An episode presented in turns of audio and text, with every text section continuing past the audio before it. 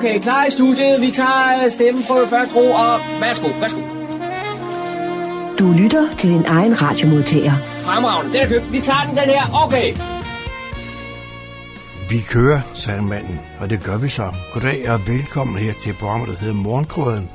Mit navn er Kurt Kammersgaard, og de næste to timer har jeg fornøjelsen af at præsentere nogle indslag, vi har lavet her på lokalområdet, og så lidt god musik også, skal vi også have. Som altid kigger vi lige lidt på overskrifterne. John han har været til en forsinket, hvad skal man sige, jubilæums nede i Frivilligcenter Fredensborg, hvor han har talt med formanden, Rutke uh, øh, Selvi, Kelvi. Uh, Andersen hed hun. Det er det, jeg skulle lige have tjekket på. Ja. Og lidt om, uh, kan man sige, center dernede i det hele taget, og så man holder også noget som det her. Man har holdt noget, der hedder frivillig fredag og sådan nogle ting. Vi skal høre lidt om personen, øh, og hvor hun kommer fra, og hvorfor, og hvordan og hvorledes. Så det har John alt sammen taget sig af, og det skal vi høre først i udsendelsen. Vi har også været med, da Frederiksborg Amtsavis, øh, ja, i hvert fald sjællandske medier, og også de er holdt en, øh, kan man sige, flyttet dag inde i Helsingør, flyttet i det nye lokale, og så markerer man så også, at sjællandske medier, de kunne fejre deres 150 år øh, jubilæum, havde, som avis i hvert fald. Vi havde en reporter med, og vi havde Ole dernede, og han var tale lige med en par af, de, af stykker af dem, som vi kender hen fra lokalområdet, dem der normalt dækker noget her fra Fredensborg Kommune. Vi har også nogle efterårsaktiviteter hos øh, Fredensborg Biblioteket. Dem har Dan kigget lidt på, en samtale med biblioteket for at høre, hvad de kan tilbyde her i løbet af efteråret. Der er jo altid en væld af tilbud. Spørgsmålet det er bare, at man skal komme og deltage i den for at få glæde af den. Så har John været øh, kan man sige, med på en rejse. Han er fra Karlebo Sovns sovnerejse. Det var, ja, Skanderborg Sogn, Sognrejse, de har været i Krakow i Polen. Og øh, der var John med, og han har så også øh, optaget nogle stemningsbilleder dernede fra, hvor der er noget med lokal musik og en samtale med sovnerpræsten, Kirsten Johansen og rejseleder Søren Lyngby, der stod for det arrangement dernede. Og øh, de havde nogle gode dage dernede, det skal vi høre mere om i løbet af formiddagen. Og så har øh, John jo altid, eller slut over, det var ikke John, det var Daniel, som altid, så har han fundet nogle lokale nyheder her på humleborg.dk. Dem øh, har jeg kigget lidt på, samlet sammen, og skal vi høre også i løbet af formiddagen. Men øh, velkommen til. Rigtig god fornøjelse de næste to timer.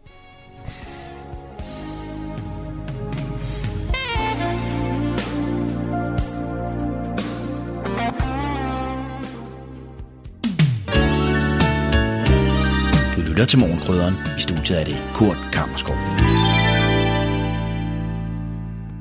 Jeg er gået på visit hos Ruth Sidvig Andersen her i Niveau.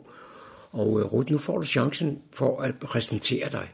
Det vil jeg meget gerne. Jeg har jo en lille accent, det kan jeg ikke nægte, jeg har. Jeg er nemlig en væskeægte tysker. Så jeg kom til, til Danmark i 1989, men inden da, der havde jeg øh, nogle uddannelser i Tyskland, og den første var som lægeassistent, som det hedder på tysk. Eller, altså, det er en lille smule anderledes end lægesekretær, så man går meget mere med lægen og har en lidt større uddannelse i laboratoriet og lidt mere også med patienten at gøre. Det var meget spændende, fordi jeg troede jo, jeg skulle lande i Indien eller Afrika, fordi det var min drøm at arbejde med en eller anden nødhjælpsorganisation. Men så da uddannelsen var forbi, og min far, han har været præst, eller jeg har været præst, og han sagde til mig, vil du ikke lige tage et år på præsteuddannelsen, før du rejser ud? Så har du værdierne på plads, og er klædt lidt på, og så personligt, og alt det der. Og jeg orkede det ikke. Jeg sagde, nu skal der ske noget i mit liv. Jeg vil ud i den store verden. Men så gjorde jeg det alligevel, og landede der på internatet på den her uddannelse, præsteuddannelse på seminariet, og blev så grebet af det, så jeg fortsat sandelig alle fem år. Og så havde jeg min præsteuddannelse i Lom, og så tog jeg et halvt år til Indien. Og der fik jeg øh, det indtryk af, nej, det er ikke min vej. Så jeg kom tilbage igen, og så landede jeg i Danmark på grund af en tilfælde egentlig, fordi jeg havde nogle venner, der arbejdede på en efterskole. Og de sagde, de tysklærer, de hænger ikke på træerne her i Danmark. Om jeg ikke vil komme et år og undervise tysk. Og det gjorde jeg så, og så blev jeg hængende, fordi i nærheden var der en præst, der skulle flytte til København. Og han spurgte, vil du ikke være med, fordi der er en ret stor kirke i København, og vi vil gerne lave et præsteteam. Og det har jeg aldrig oplevet i Tyskland før. Et præsteteam. Præster, de er meget alene sådan, ikke? Nå, men der var der fire andre. Så jeg landede simpelthen, synes jeg, i et smørhul der i 90 i København på Østerbro. Og øh, arbejdede i, det var en frikirke, og arbejdede der i rigtig mange år. Første gang du og jeg traf hinanden, det var på Karlebo Kro af alle steder i november måned 2010. Hvad, hvad var anledningen til, at vi mødtes der? Ja, den var stor den aften. Det var nemlig, at øh, jeg var blevet meget begejstret for frivilligcentret her i Danmark. Og jeg mødte faktisk for mange år siden, jeg tror midt i 90'erne, der kørte jeg igennem Odense og så det der kæmpe skilt frivilligcenter. Og tænkte, nej, de har stjålet min idé. Fordi øh, jeg arbejdede hele mit liv med frivillige, og synes altid, man burde lave et eller andet meeting point, eller et eller andet for, at man mødes. Når da jeg så lander her i Humlebæk, så så jeg en annonce, at i Hørsholm, der var der netop åbnede en ny frivillig center, og så tog jeg derhen og skulle være med i åbningen og møder Vera Vettlesen. Og øh, så to år senere, eller halvanden år senere, så lander hun på mit kontor her i Humlebæk, og vi fik en rigtig god snak om øh, frivillige i forhold til flygtninge. Det lå Vera nemlig meget på hjertet. Men i stedet for at gå den vej og lave en forening for flygtninge, så kom jeg til at sige, Vera, skal vi ikke lave en frivilligcenter her i Fredensborg Kommune? Og det tændte vi bare begge to af, og så gik Vera i gang. Hun er jo en ildsjæl uden lige, og så kompetent på det område. Så hun øh, var med til at støbe kuglerne her og sætte det hele i gang. Så i november 2010, der havde vi vores store informationsmøde, hvor der kom 100 mennesker til at høre, hvad er det egentlig for noget, og hvad, hvad øh, ja, indeholder et frivilligcenter, og hvad er planerne? Og blandt de øh, mennesker, der mødte op, der var jo også kommunalpolitikere, borgmester. Og... Netop. Altså, vi tænkte, vi må gå de veje, som jo Socialministeriet led op til, og det er, at et frivilligcenter bliver støttet både 50 procent af Socialministeriet, og det andet skulle forankres lokalt, det vil sige i Fredensborg Kommune. Så vi inviterede op på stop af forvaltningen og politikere, for at de finder ud af, hvad er frivilligcenter for noget. Og heldigvis blev de jo alle sammen tændt, så vi kunne ansætte Vera Vatlassen fuldtid i 2011 og startede dermed et frivilligcenter. Vi skal nok også lige have med her, Ruth, at uh, i hele perioden, siden 2010 og frem til nu, der er du jo formand. Ja, det er rigtigt. Og det er jo øh, en rejse uden lige, fordi jeg vidste faktisk ikke helt, hvad jeg gik ind til. Det er jo med, i rejsen, der lærer man, hvordan det netop er politisk forankret. Det har jeg ikke gjort før. Jeg har arbejdet med noget, der hed øh, øh, forældre og samfund, i, øh, da vi boede i Jylland. Så jeg havde lidt foreningsarbejde, hvordan man danner en forening og sådan. Men på det her niveau, hvor man bliver en paraplyorganisation for rigtig mange af de små foreninger, det havde jeg ikke prøvet før. Og så samarbejdet med kommunen, det skulle jeg også lære, hvilke veje og processer, og det lidt langtrukne med dagsordner over længere tid, og møder, der skulle holdes meget officielt. Så jeg synes, hold da op, sikke en oplevelse at være med til at etablere en så stærk forening, der betyder så meget, men også lære så meget hen ad vejen. Det er, det er en lang rejse, og en god rejse, en spændende rejse. Du fortæller, at Frivilligcenter er en paraplyorganisation. Men det må så også betyde, at der foregår en masse aktiviteter under denne paraply. Ja, det har du ret i.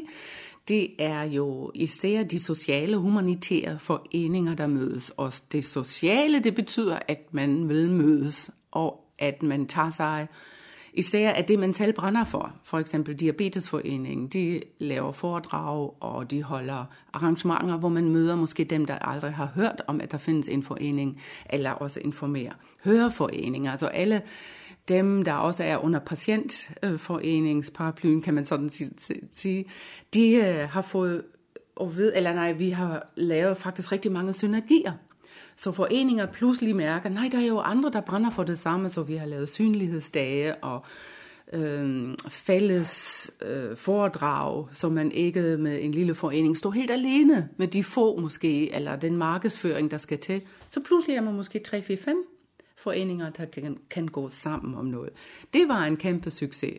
Men aktiviteter er der rigtig mange af. Altså caféer og netop workshops for bestyrelsesarbejde for eksempel, fordi vi opdagede, at viden om bestyrelsesarbejde det er nogle gange begrænset, fordi man brænder så meget for sagen, og så pludselig skal man forholde sig til vedtægter og til en års generalforsamling og sådan. Så der var meget at, at komme i gang med at hjælpe de foreninger til at gøre det godt og netop nå længere ude med den markedsføring, som vi også kunne hjælpe dem med. Men det er alt sammen i social regi? Yes. Altså, vi var i begyndelsen lidt presset til at afgrænse os, fordi øh, kulturområdet og idrætsområdet, de sagde pludselig, hallo, hvad med I? Altså, hvad vil I her? og det var så fint, fordi så blev vi meget mere skarp på, hvorfor er vi sat i verden. Så i samarbejde med Socialministeriet dengang, så fik vi jo øh, specificeret vores kerneydelser, som man sådan set kan sige. Ikke? Og det er netop at hjælpe foreninger i det sociale humanitære øh, især område og øh, blive bedre til at være synlige og få flere frivillige. Du nævnte, at det indledende møde det foregik på Karlebo Kro i november 2010. Og det betyder så, at man i 2020 skulle markere 10-året for, for Frivilligcenterets eksistens. Men det blev ikke rigtigt til noget. Nej, det er desværre. Vi havde nogle tanker, fordi der var lige et hul der til efterår, hvor tingene åbnede igen, altså man måtte mødes med nogle bestemte antal og sådan noget. Men så tænkte vi, nej, altså det, det springer vi over. Vi må lave det, når samfundet åbner for fuld fart igen. Så nu bliver det den sidste fredag i øh, september, som jo altid i de sidste 10 år også har været den nationale frivillige fredag. Så hvor man kommer hen i Danmark, så vil man sikkert se annoncer over den her fejring af frivilligheden i Danmark. Og det har vi så koblet på den dag. Så vi fejrer faktisk 10 års jubilæet for Frivilligcenter, og 10 års jubilæet for Frivillig Fredag, altså fejringen af frivilligheden i Danmark. Har du nogen idé om, hvordan det bliver markeret? Oh ja, yeah. vi uh, har lejet eller lånt kulturstationen ved Humlebæk, og der kommer vi til selvfølgelig at gå igennem. Jeg håber også, at Vera Vettelsen er med, at det lykkes for os at komme igennem til Spanien, fordi Vera sluttede her for fire år siden og drog ned i de sydlandske stater der. Men øh, vi har en idé om, at vi kan øh, møde hende øh, via FaceTime eller streaming, og så er der et program. Den første time, så er der en lille pause med noget overraskende, og så fejrer vi uh, frivillige fredag med en debat med nogle unge mennesker. Så er der også tradition for, at I uh, fejrer årets ildsjæl. Ja, det springer vi over i år. Fordi det nåede vi sidste år i et lidt mindre forum, hvor vi bare lavede en lille højtid og øhm, vi tænkte på, at vi fokuserer på jubilæet, og netop de to jubilæet på en gang, og også vores nye, hvordan kan man sige det, tilgang til at involvere flere af de unge ildsjæle i vores kommune. Nu har der i de sidste halvanden, snart to år, været en epidemi, den såkaldte coronaepidemi. Og øh, det betyder vel også noget for, for nogle mennesker, at de ikke kan mødes? Ja, i den grad. Og det rammer også ind i, i det hele taget et issue eller et tema, som vi virkelig er fokuseret på, netop ensomhed og isolation, men også angst. Hvordan møder vi netop sådan en pandemi, men også den isolation, der bliver bekræftet igennem det her. Og vi har øh, nu prøvet at etablere, eller vi har startet selvhjælpsgrupper som et alternativ for netop alle psykologer og hvad man ellers øh, kan officielt sådan blive henvist til. Men der, hvor man møder ligesindede, det oplevede vi som en stor succes at øh, på daglig basis, eller ikke daglig, ugentlig basis, hvordan man så må aftale det, kan mødes med andre, der sidder i samme situation. Vi har prøvet at lave fællespisninger og noget helt ned på jorden, hvor mennesker virkelig får at vide, her kan jeg komme hen, i stedet nu når corona er ved at virkelig være fadet ude, heldigvis jo, at der er nogle muligheder for at komme ud af den isolation. Og de temaer, dem kommer vi jo til at følge op på i den fremtid, der ligger foran os, fordi det er noget nationalt. Du kom kort ind på, at Vera Vettelsen forlod Frivilligcenteret og tog til Spanien for, for fire år siden. Men øh, der er jo kommet en ny leder. Ja, han hedder Peter Søndergaard, og øh, han, øh, da vi havde den her overgang, eller overgang, hvor vi skulle finde en ny leder, så havde vi jo selvfølgelig en forestilling om, hvilket profil det skulle være. Og han var simpelthen lige i øjet med den øh, udadvendte og den meget konkrete lederstil, han har, at øh, han startede for fire år siden, og vi er så taknemmelige for hans måde at gøre tingene på, og for hans øh, ledelsesstil, at øh, han er meget nysgerrig, og han er meget initiativrig, men han fagner også det, der er, og øh, er rigtig god til at lægge strategier, som vi har måttet virkelig lære her i de sidste år. At øh, frivillighed, det koster noget, og frivillighed skal også planlægges. Måske skulle du lige have lov til at, at gentage, hvornår man fejrer de her to øh, jubilæer, og hvor det foregår. Tak. John, det er altid den sidste fredag i september. Jeg tror, det er den 24. september i år, hvor frivillig fredag bliver fejret som hyldes til alle de frivillige i Danmark. Vi fejrer det i år på Kulturstationen, og det starter klokken 15 med en reception, altså hvor der bare er tid til hygge og snak og lækker kage fra vores bager i Humlebæk, og at øh, kl. 16 starter der et program, hvor vi også har inviteret borgmesteren og formanden for Social- og Seniorudvalget. Og klokken 17, så går vi i gang med noget ungdomsdebat, altså nogle unge interesserede i politik, der debatterer rigtig relevante, gode temaer. Og så slutter vi af med en pølsevogn lige foran øh, kulturstationen og en fredagsbar for de unge og pølsevogn og fredagsbar. Er det noget, du har taget med dig fra, fra Tyskland? det kunne lyde sådan. Det er rigtigt, men det var altså de unges idé. det var John Marco, der havde produceret dette indslag. Så er det igen gået ind og blevet tid til lokale nyhedsinformationer og kulturinformationer hentet fra humleborg.dk. Jeg er Daniel Jørgensen. Lokaltog AS, der driver lokalbanen mellem Hillerød og Helsingør via Fredensborg, er gået i gang med at renovere flere af de vejbroer, som går over jernbanen mellem Fredensborg og Helsingør. Det drejer sig om broerne ved Væksebo, Langerød og Toalt. Arbejdet er påbegyndt og fortsætter et stykke tid endnu. Blandt andet på Reerstrupvej, som går fra Søholm til Kvistgård. Her er hele vejbroen fjernet, og en ny skal opføres. Arbejdet blev påbegyndt den 16. september og forventes at slutte den 1. marts 2022. Af samme årsag er der ikke gennemkørsel på strækningen, så der er sat skilte op med vejledning til trafikanterne. Togdriften bliver fra tid til anden berørt, således at strækningen ikke kan benyttes af tog, og derfor indsættes der togbusser imellem de berørte stationer. Lokaltog AS arbejder også på at forbedre sikkerheden på jernbanerne i Nordsjælland, og en vigtig del af arbejdet er at forbedre usikre overkørsler, for eksempel ved nedlæggelse. På vejstrækningen mellem Hillerød og Snækkersten er der i dag seks usikre overkørsler, og en af dem ligger i Torelt. Den betjenes via manuelle bomme. Denne jernbaneoverkørsel vil nu blive fjernet. Som en del af projektet skal der etableres en ny grusvej. Grusvejen ønskes etableret mellem Torelvej 17, Humlebæk og Reerstrupvej Kvistgård.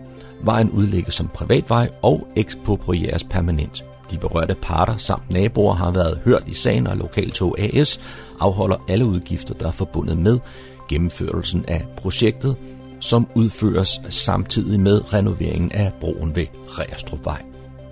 Og mere om broer. Fredensborg Kommune er fyldt med kulturarv. En ganske enestående arv er stenbuebroerne fra anden halvdel af 1700-tallet.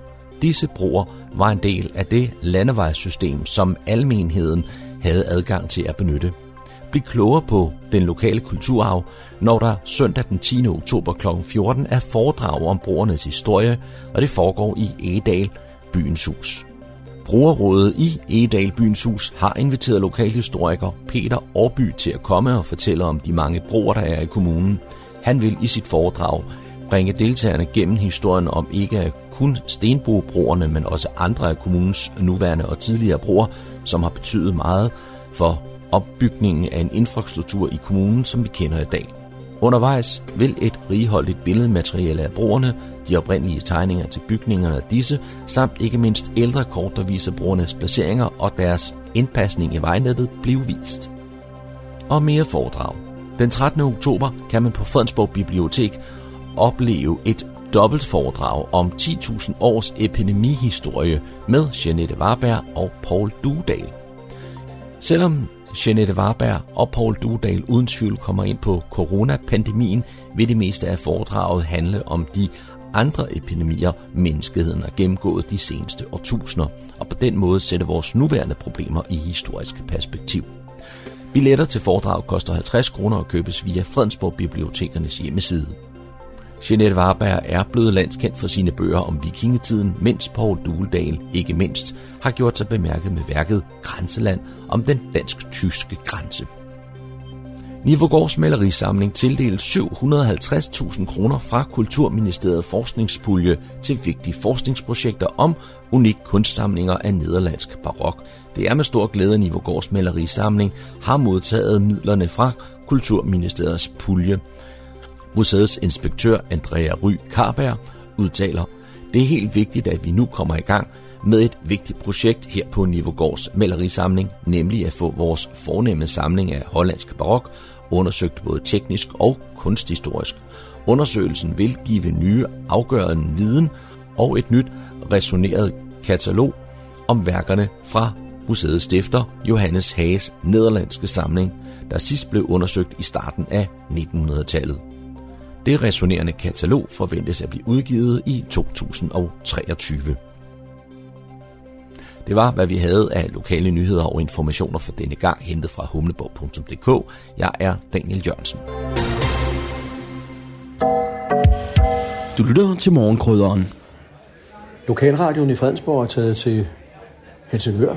Vi er taget i Bjergegade, hvor Frederiksborg Amtsavis har flyttet redaktionen hen her i sommer. Flotte nye lokaler, som bliver indvidet, kan man godt sige, i dag i forbindelse med, at avisen faktisk, altså Sjællandske Medier, har 150 års jubilæum den 1. oktober. Og jeg står her med Dorte Møller Rasmussen, som jo har været på Frederiksborg Amtsavisen Menneskealder. Dorte, det er jo fantastisk, øh, at de kan nu opleve en, et 150 års jubilæum, og du har været med, jeg vil ikke sige hele vejen, men i hvert fald næsten øh, i 50 år. Nogen af 40? Det er rigtigt.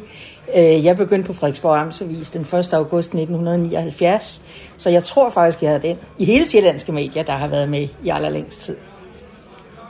Og du er jo chefredaktør her i Helsingør. Du har også fået et hjørnekontor, hvor man kan stå og kigge ned på, på gågadesystemet her. Det kan jo ikke blive mere centralt der, hvor I flytter hen. Nej, vi har jo altid syntes, at vi skulle holde til inde midt i byen, der hvor pulsen er. Ikke fordi vi skal glemme øh, de andre områder i kommunerne, øh, men det er lidt nemmere at, at tage ud og, og lave sin historie ude, og så at folk kan komme ind til os herinde midt i byen også. Hvor mange er I på redaktionen her i Helsingør? Jamen, vi er ni medarbejdere. Vi er otte, der øh, skriver Frederiksborg Amtsavis Helsingør-stof og Fredensborg stof, og så er Peter Mejland fra uge nyt lige øh, flyttet til Helsingør også, hvor Steffen Slot er blevet lokalredaktør for uge nyt. Og så har vi en sælger. Men det er jo så fordi, øh, man kan sige, at sjællandske medier har jo overtaget en hel række lokalaviser, blandt andet Ugenyt. Så, så man kan sige, Frederiksborg Amtsavis og Ugenyt Fredensborg, det er jo mere eller mindre to sider samme sag i dag. Det er fuldstændig rigtigt. Det er samme ejerkreds, vi har. Men det er jo alligevel to forskellige profiler, at de to øh, aviser har. Men vi er gode kolleger, og øh, jeg er sikker på, at det giver en rigtig god synergieffekt, at vi også flytter sammen. Dorte, rigtig stort tillykke med jubilæet. Og du bliver jo det mange år nu, tænker jeg. Jeg lover ikke at holde ud 150 år mere. Men jeg er rigtig glad for mit arbejde. Jeg elsker den her avis, og det har jeg altid gjort. Så lige så, så lang tid, at jeg synes, at jeg kan, så lige så lang tid bliver jeg ved. Tak skal du have, Dorte. I forbindelse med receptionen på Frederiksborg Amtsavis i Helsingør i anledning af Sjællandske Mediers øh, 150 års jubilæum, så har jeg også fanget øh, den nye redaktør på Ugenyt, Steffen Slot. Steffen, du er jo gammel amtsavismand, så du har jo været der i, er det 16 år, siger du? Ja, det er rigtigt, ja. ja. Og nu øh, har du så overtaget chefredaktørposten på Ugenyt. Kan man godt drive den fra Helsingør? Øh, ja, det synes jeg godt, man kan. Øh, især når, når man er meget på gaden og ude og, og, og, og snakke med folk og, og være ude i lokalsamfundet. Og det øh, har jeg gjort i alle de år, jeg har dækket øh, Fredensborg Kommune for Frederiksborg Amtsavis. Og det er siden slutningen af 2006. Og... Øh, øh, og det er et godt spørgsmål, fordi det kan nogle gange være svært at lave lokaljournalistik, når man ikke bor i et område eller har sin daglige gang i et område. Så det kræver, at man er meget ude på gaden, og så er det også... Det er noget af det, jeg faktisk er aller mest glad for som journalist, det er at være ude og møde mennesker og snakke med mennesker og se, hvad der er sket af nye ting og høre, hvad de har, har på hjerte. Øh, nogle gange er det faktisk så sjovt at være ude øh, på øh, gaden eller i marken, som vi siger, at når man så kommer hjem på redaktionen, så, så, så starter det svære arbejde, fordi så skal man jo til at have skrevet om alt det, man, man har hørt. Der har vi det, det nemmere som radio. Der tager man bare telefonen, og så optager man lyden, og så har man det hele liggende klar, og kan sende det ud i æderen.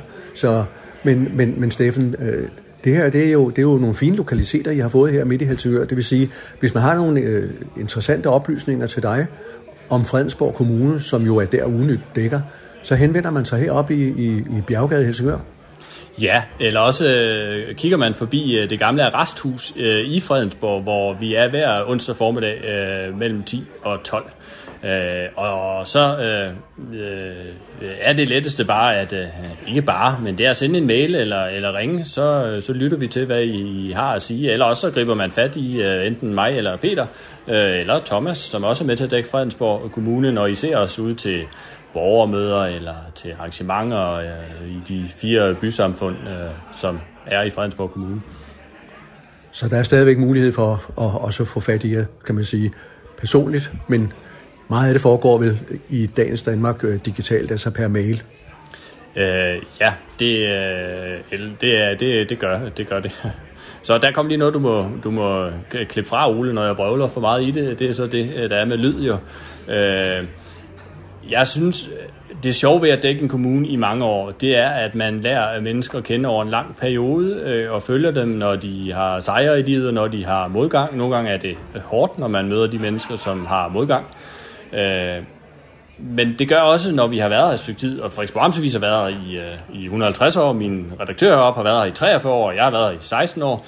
Det gør, at, at man har et kendskab til et område, som, som, øh, som jeg og kollegerne trækker på øh, i hverdagen, når vi, når vi skal skrive om, om, om det fællesskab, som, øh, som et liv øh, jo også er, og hvor en avis er med til at facilitere det fællesskab og, og, øh, og inspirere til at, at skabe nogle endnu bedre ting, og også øh, en gang imellem lige øh, trykke nogen på maven, når de, de kunne gøre tingene en anelse bedre. Steffen, rigtig god fortsat fornøjelse med både Unyt og Frederiksborg Amtsavis i rigtig mange år endnu. Ja tak, og lige måde. Det var Ole Holte, der havde produceret dette indslag. Du lytter til morgenkrydderen. Så skal vi have nyt fra Fredensborg Bibliotekerne, og for at øh, fortælle lidt om det, så har jeg ringet op til øh, bibliotekar og vidensformidler Julie Persson. Velkommen til, Julie. Mange tak for det. Der er ved at komme rigtig godt gang i de øh, offentlige arrangementer i biblioteksregi her i efteråret, og det skal vi høre lidt om her. Hvad har I øh, på, på plakaten den kommende tid? Jamen, vi har, som du siger, en masse forskellige spændende ting, som er ved at dukke op nu her igen i efterårsmånederne, så det er vi jo rigtig glade for. Øhm, noget af det, jeg kan starte ud med at fortælle, er, at vi har de her litterære vandringer, som øh, har kørt over sommeren, øh, og dem har vi to af her i oktober måned. Og det er den 15. oktober, der er der en med afgang fra Niveau Bibliotek, og det er også 10-12. Og det er så Rune, som øh, tager tilhørende ud på, på en lille vandring i lokalområdet der. Mm. Man skal købe en, en gratis billet, altså tilmelde sig via hjemmesiden, fordi der er øh, begrænset antal på, hvor mange der kan være med. Udover de her litterære vandringer, så har I også mm. øh, opstart af livestreaming foredrag. Præcis. Og det må du lige fortælle lidt om, hvis man nu er helt ja. dukfrisk grønt på Ja. det der livestreaming foredrag. Ja. Hvad er det så for noget? Jamen, det er noget, som vi øh, også kørte faktisk i, i foråret med, med, med god succes, og det er simpelthen Aarhus Universitet, et samarbejde med dem, og så landets biblioteker og kulturhuse, hvor at øh, de har en dygtig formidler, som fortæller om et øh, videnskabeligt emne, øh, på en måde, som ligesom er, er til at forstå og, og er formidlet på en god og spændende måde. Og det livestreamer de så fra Aarhus Universitet, og så er det så, at vi inviterer indenfor og, og ser den her streaming sammen. Det næste arrangement i den her livestreaming foredrag, det er den Ja. 12. oktober, og hvad går det ud på? Ja, det er øh, Bente Klarlund Pedersen, som er professor, og mange øh, kender måske hendes klummer fra, fra politikken. Øhm, det er et foredrag, der hedder Yngre med årene, øh, og det foregår så i Edal, byens hus. Øh, derfra bliver det streamet, og det er igen kl. 18.45 og, og gratis med billet. Øhm, og hun vil simpelthen fortælle om, at det både er ens livsstil, men sådan set også ens livsindstilling, som er med til at øh, bestemme, øh, hvordan vi ældes, og hvor godt vi har det, når vi bliver ældre, og hvad man kan gøre for at passe på, på sin krop og sit sind, øh, i takt med, at alderdommen kommer snigende. Så lidt øh, gode råd og fif Ja, til det. Det kan man så få præcis. den 12. oktober. Det kan man nemlig. Mm. Og Ja. foredrag, det er der jo også noget, som øh, I, I opererer med. Og og hvad har I af foredrag den kommende tid? Jamen, så har vi den 13. oktober, der har vi et foredrag med Signe Wulf, som er journalist og forfatter. Og hun vil fortælle om øh, Karen Bliksen og Karen Bliksens forhold til, til mad og hele det kulinariske felt. Øhm, fordi udover forfatter var hun faktisk også en øh, stor gastronom og øh, samlet mange folk i sit køkken øh, og i sin, øh, sin spisestue på sin afrikanske farm. Øhm, og det er et arrangement ud af en række på tre arrangementer i løbet af efteråret, som hedder Smag på litteraturen, øh, hvor vi samlet set vil dykke ned i, i øh, mad og maden i litteraturen, og ligesom få øh, pirret vores smagsløg osv. Øhm, og det her det er så første arrangement.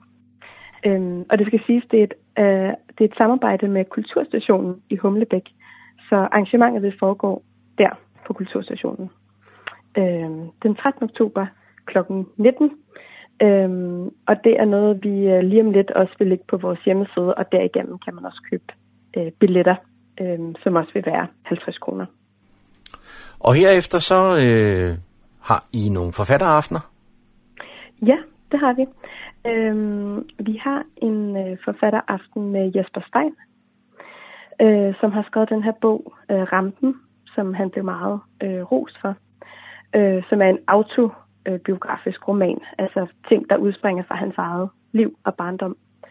Øhm, og øh, han modtog i foråret øh, læsernes bogpris for den her roman. Øhm, og ham kan man opleve i samtale med, med en af mine kollegaer på Humlebæk Bibliotek øh, kl. 19, og det koster også 50 kroner plus gebyr. Julie, det sidste foredrag, vi lige skal snakke om her, øh, hvad er det for et, og hvornår er det? Det er den 13. oktober, og det er Jeanette Warberg og Paul Duedal, som øh, tilsammen holder et foredrag omkring, øh, der hedder Epidemier igennem 10.000 år. 10 ting, man kan lære. Og det er i øh, Fredensborg Bibliotek Mm. øh, kl. 19, og det koster også 50 kroner, så mange af vores andre foredrag gør. Mm. Det er igen et fokus på epidemier, og hvor meget det egentlig har ændret historiens gang, og har været afgørende for, for mange store imperier og øh, kulturer, der ligesom er bukket under, og nye, der, der er stået op øh, i ruinerne af det. Det er Jeanette Warberg og Paul Dudal, som sammen fortæller om de her øh, første epidemier øh, blandt de tidligste stenalderbønder, øh, og så op igennem historien. Så det er en slags historisk foredrag. Det er et historisk foredrag, præcis, Ja. som også trækker tråd op til, til nutiden. Til nutiden, kan man sige. Ja. Julie, I har et højtlæsningsarrangement for børn den 16. Øh, oktober på Humlebæk Bibliotek. Det er måske lidt anderledes, end man umiddelbart lige tænker. Øh, ja. og, og hvad er det? Hvad går det ud på? Det er nemlig lidt anderledes, og det er fordi, det er højtlæsning, men ikke med hvem som helst. Det er simpelthen højtlæsning med drag queen Ramona Macho. Øh, og hun vil simpelthen komme til Humlebæk Bibliotek og læse højt fra sine yndlingsbøger. Så det er en, en hyggelig og lidt anderledes lørdag formiddag, man kan få i selskab med den her farverige drag queen. Øhm, og vi har jo haft forskellige projekter øh, blandt børnene, som også har, sætter fokus på, på ligestilling mellem kønnene. Og det er, det er også sådan lidt øh, et indlæg i den række, at vi, øh, vi får hende drag queenen på besøg. Det var øh, en halv times tid, og efterfølgende så kan man øh, få taget et billede sammen med hende, hvis man har lyst. Og så et par dage efter, der kan man mm. komme på skattejagt. Det er nærmere betegnet her i efterårsferien, for den tid nærmer sig jo også. Ja, det gør den heldigvis. Øhm, og det er jo altid sjovt at kunne øh, lave noget sjovt som, sammen med familien, øh, når det er efterårsferie. Og øh, der er området omkring Edal, byens hus, øh, et godt sted til skattejagt. Øhm, og øh, bibliotekernes kulturformidlere, de har simpelthen lavet en række poster øh, med spørgsmål, som øh, sætter børnene på opgave. Øh, og det er selvfølgelig spørgsmål omkring bøger og litteratur. Øhm, og den skattejagt, man finder på den app, der hedder Whoop, øhm, så man kan downloade fra App Store eller Google Play, inden man starter op.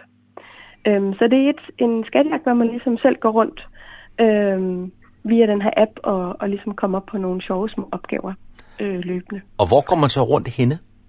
Jamen det er i, øh, altså udgangspunktet er, er Edal byens hus, og så vil, vil øh, appen lede en hen til de forskellige poster. Ja, så det er øh, i, i nærområdet? Ja, det er ja. det nemlig. Og, og den er gratis, og, og den er så tilgængelig fra mandag den 18. oktober. Uh-huh. Øhm, ja. Og med de ord, så vil jeg sige tak til dig, Julie fra Fredensborg Bibliotekerne, om hvad der foregår i den kommende tid. Jamen, velbekomme. Tak fordi jeg måtte være med igen.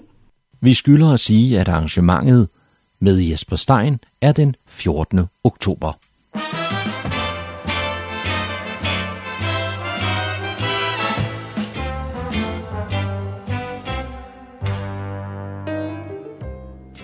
Du lytter til programmer, der hedder Morgenkrøden. En hver lighed med nogen anden eksisterende radioprogram må sige at være ren helt.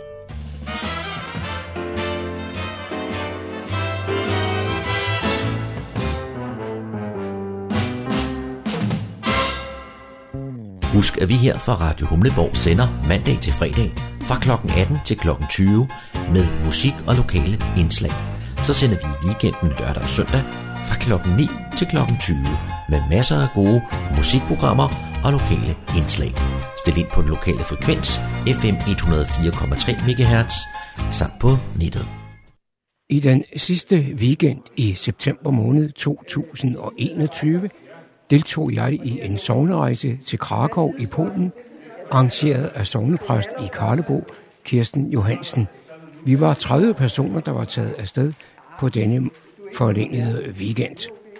Vi var relativt sent fremme ved vores hotel, men øh, der var der trods alt tid til, at vi holdt en lille aftensamling. Vi prøver at synge til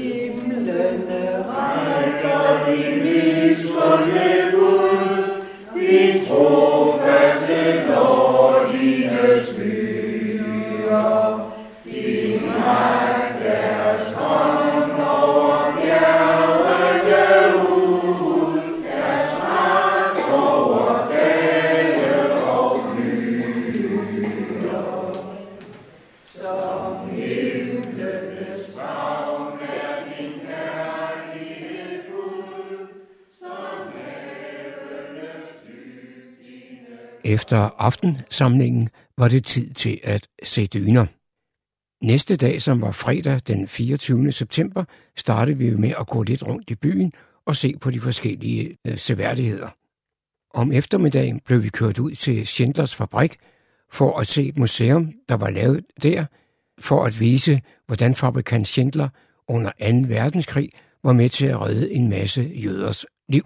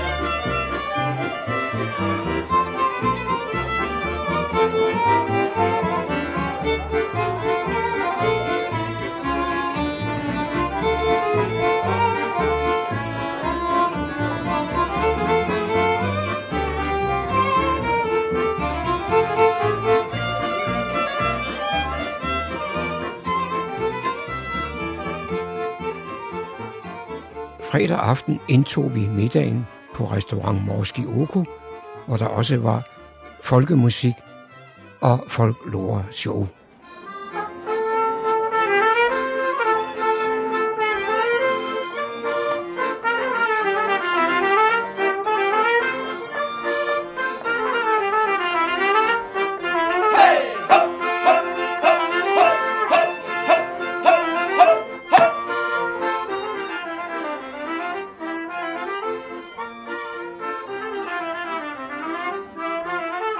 Czyścieno stu radzi, czyścieno nie radzi. Hej, bo się nos studowo zgromada prowadzi. Hej, bo się nos studowo zgromada prowadzi. Jakżeście nos radzi, to nas przywitajcie. Hej, jakżeście nie radzi, to nas wyścigajcie. Hej, jakżeście nie radzi, to nas wyścigajcie. Kapela Poloneza gra. Lørdag besøgte vi saltminen i Vilitka. Her har man hentet salt op fra undergrunden i adskillige hundrede år. Minen er nu lukket, men er indrettet som et museum. Blandt andet har man på et tidspunkt hugget en katedral ud nede i saltminen. Her blev det ikke til så mange optagelser. Jeg fik dog fanget lyden af, hvordan det lød, da man i hine tider antændte gassen, for at minearbejderne ikke skulle blive kvalt.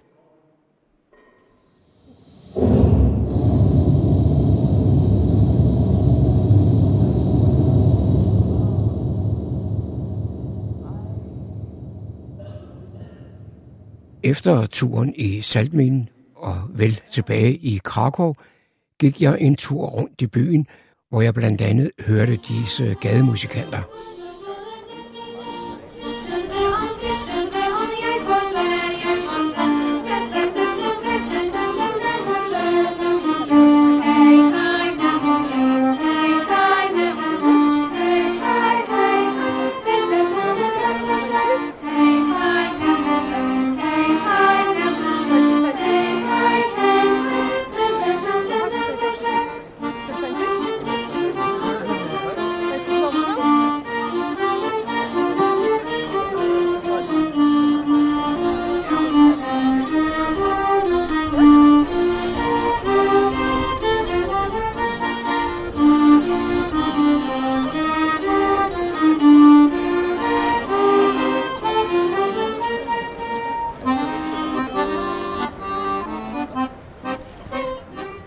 Jeg sammen med vores rejseleder Søren Lyngby. Og Søren, det har jo været et par begivenhedsrige øh, dage. Det glæder mig, hvis I har fået fuld udbytte, at I er blevet beriget. Det siger programmet jo også rejst og rig. Og øh, så forstår jeg på dig, på noget af det, du har fortalt, at du jo har været her i Krakow tidligere.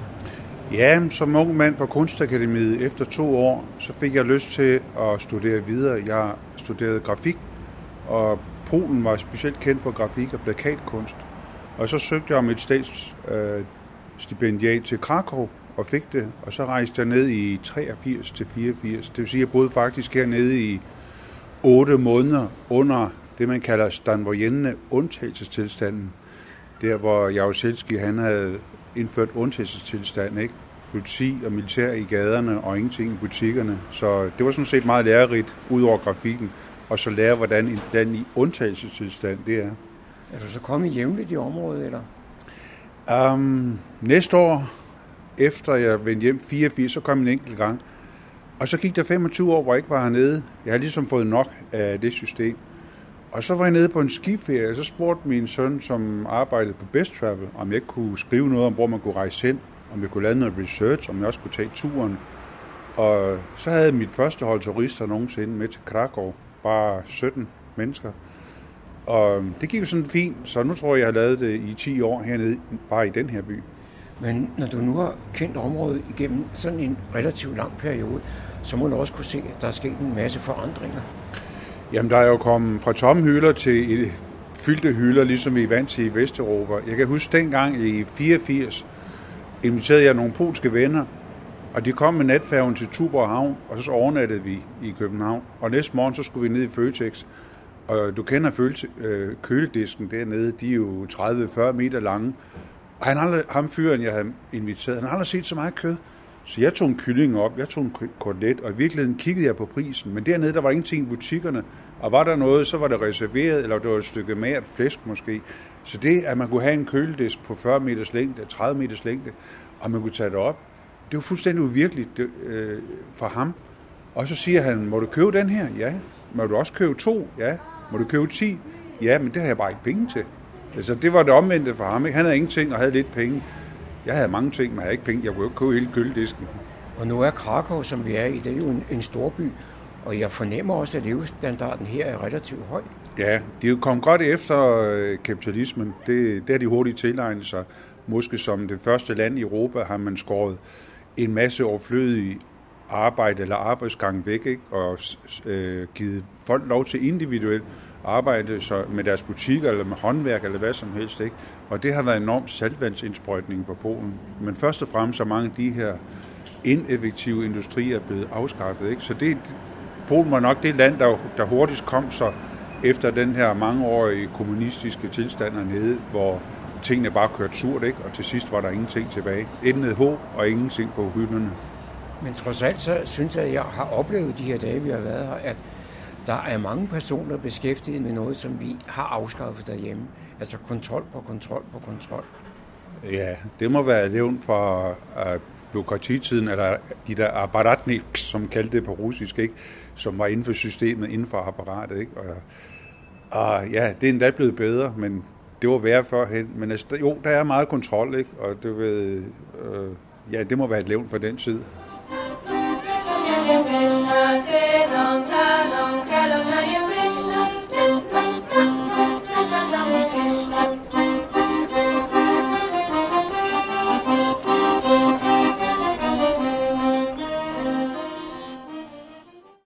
Søndag kørte vi sydpå for at besøge vintersportsstedet Zakopane. Men øh, vi var ikke de eneste på vejen, og da man var i gang med et større vejarbejde, tog det sin tid at komme frem og også tilbage.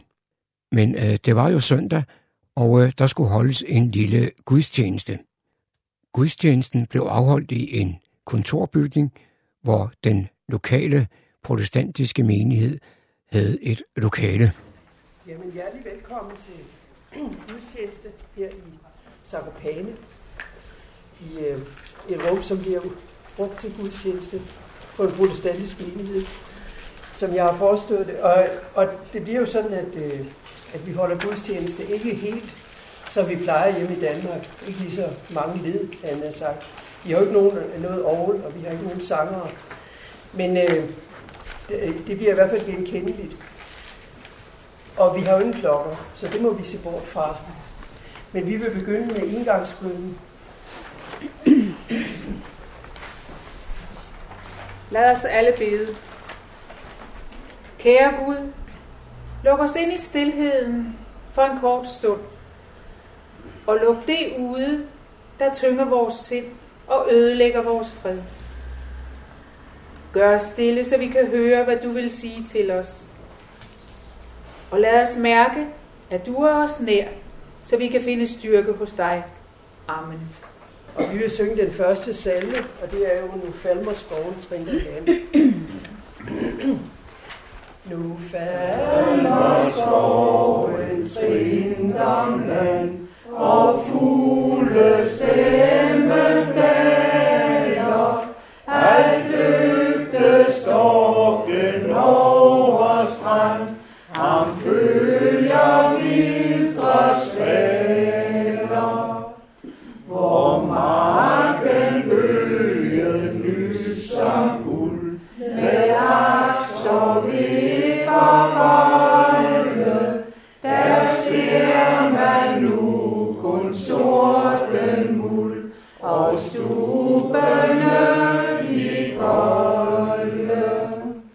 var så en gudstjeneste under lidt andre vilkår, end øh, vi er vant til.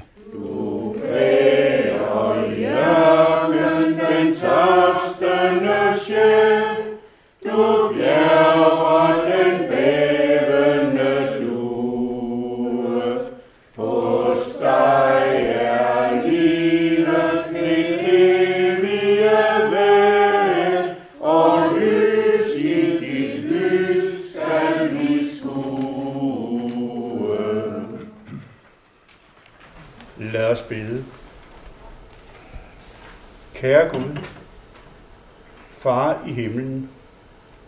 for dit ord og for dåb og nadver. Du åbner vinduer og døre ind til dit rige, og vi går herfra bevæget af din nåde. Amen.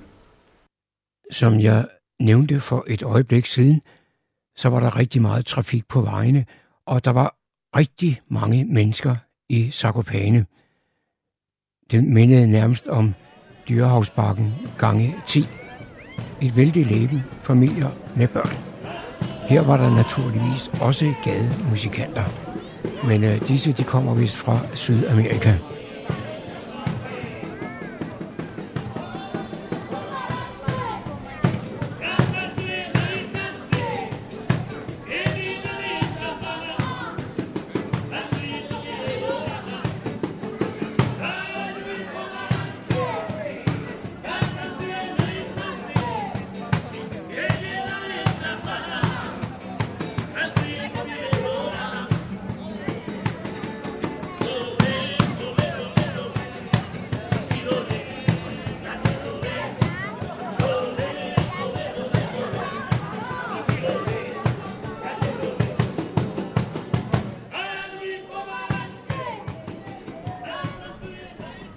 Er mandag formiddag, og efter en forlænget weekend her i Krakow, der står jeg med initiativtageren til turen, nemlig, nemlig sovnepræst Kirsten Johansen. Kirsten, det var noget af en tur. Ja, det har det da. Det har været dejligt at være sammen med på sovnerejse igen. Det har vi jo snart prøvet nogle gange. Og nu havde vi valgt Krakow, og den her tur, den har været udskudt øh, i hvert fald en, måske to gange på grund af coronakrisen. Men nu lykkedes det at komme afsted, og det var dejligt. Og jeg kan forstå på nogle af dem, der har været med, at det har været lidt mere strapasserende, end man har oplevet tidligere. Ja, men det er jo aldrig rigtigt til at vide. Altså, vi, øh, vi var nede i en øh, mine, hvor vi skulle gå igennem nogle lange minegange. Altså, vi Slevski-minen hedder den, men øh, det var til gengæld en meget stor oplevelse, tror jeg, alle synes. Altså, der var en underjordisk kirke, og det er klart, at man kan jo ikke afkorte den tur. Man opdager, at vi, vi skulle gå rigtig langt ned og på trapper. Øh, men det er jo, det er jo klart, at, at øh, det er lidt svært lige at beregne, hvor, hvor meget man skal gå. Og, og, men vi er da blevet kørt rundt i bus. Ja, i går der havde vi så den oplevelse at sidde på de, de polske landeveje i adskillige timer. Ja, og det var rigtig ærgerligt, det vil jeg sige. Men, øh, men øh, det var jo trafikken, og det var, at de var ved at anlægge en ny motorvej. Og jeg var da også ved at gå ud med gudskin, det må jeg da indrømme. Det tror jeg alle var. Men, men de ting, vi oplevede, de var jo fantastiske. Ja, vi var oppe i, øh, i øh, bjergene, oppe i Tatra-bjergene, øh, tæt på grænsen til Slovakiet. Og der var jo meget smukt, altså smuk udsigt ud over bjergene, og det var et skønt vejr. Så var der jo enormt mange markedsboder. Altså, de lever jo af turisme øh, det sted. Så, øh, men øh, jeg synes bestemt, det var spændende at være der. Så er jeg ved at nå vejs ende her i denne reportage fra sommerrejsen til Krakow. Jeg afslutter med musik, spillet på en jødisk restaurant lørdag aften, hvor vi indtog aftenmåltid.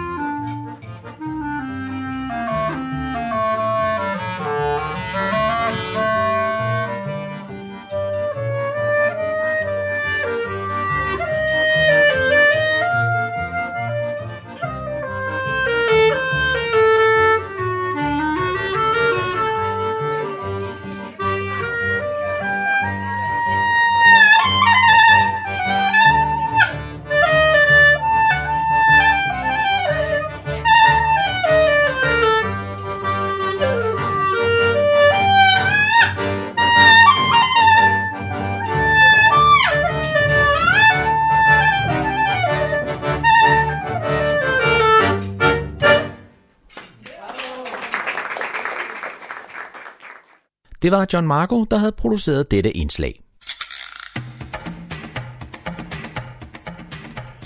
Hej, Humleborg, så hvis du vil høre mere om... Hvis og hvis og hvis.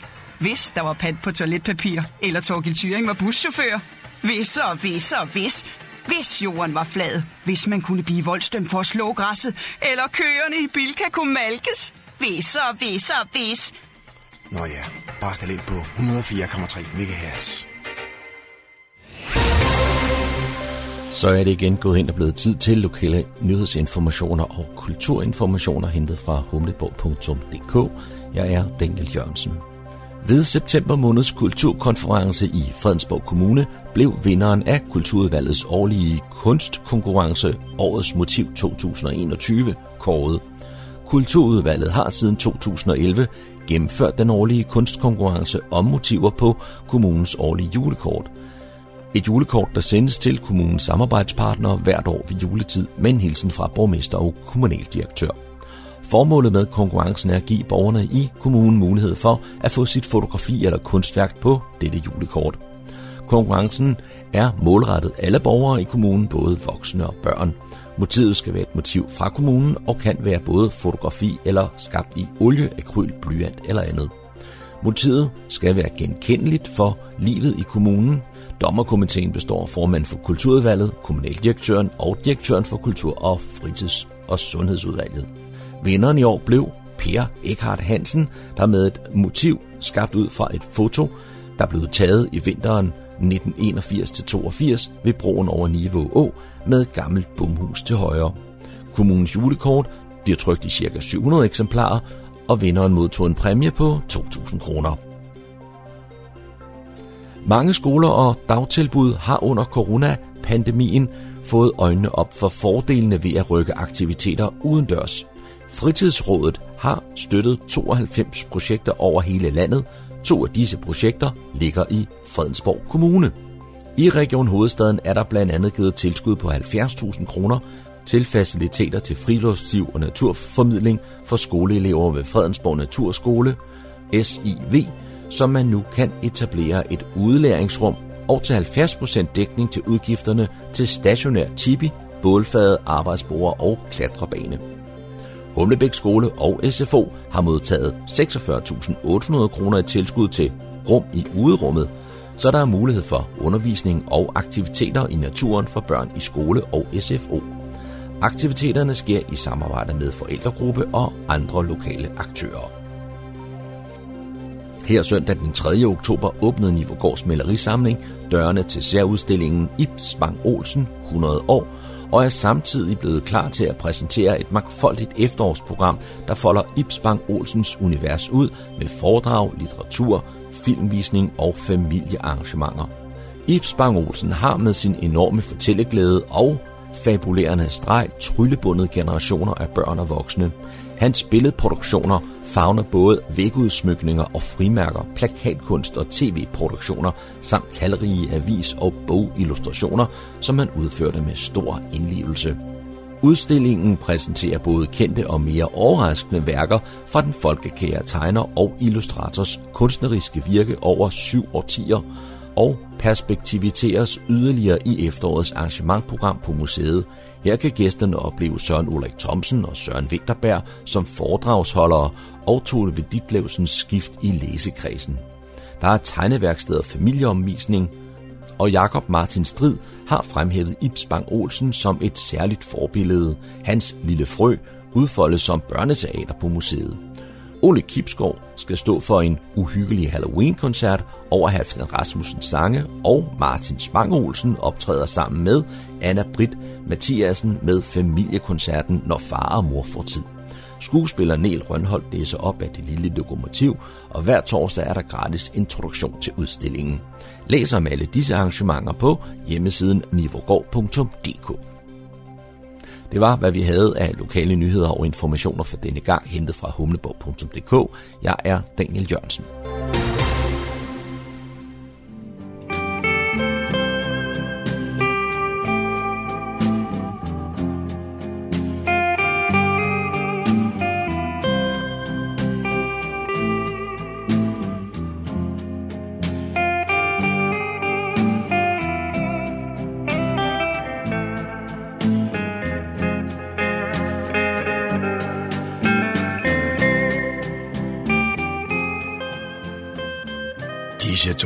Fortæller os, at vi er nået til afslutningen på denne uges udgave af programmet, der hedder Morgenkrøden.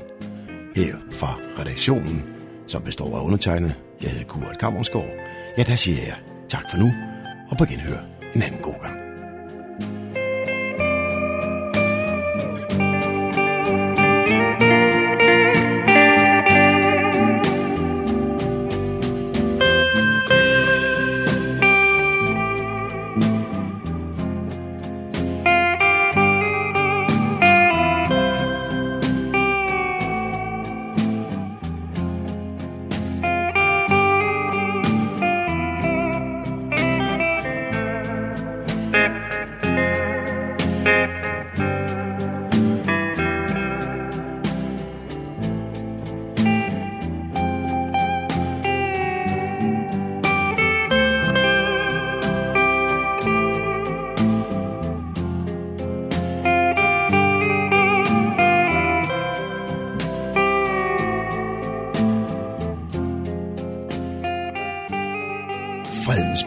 Lokalradio, Radio Humleborg, Nordsjællands mest voksne lokalradio.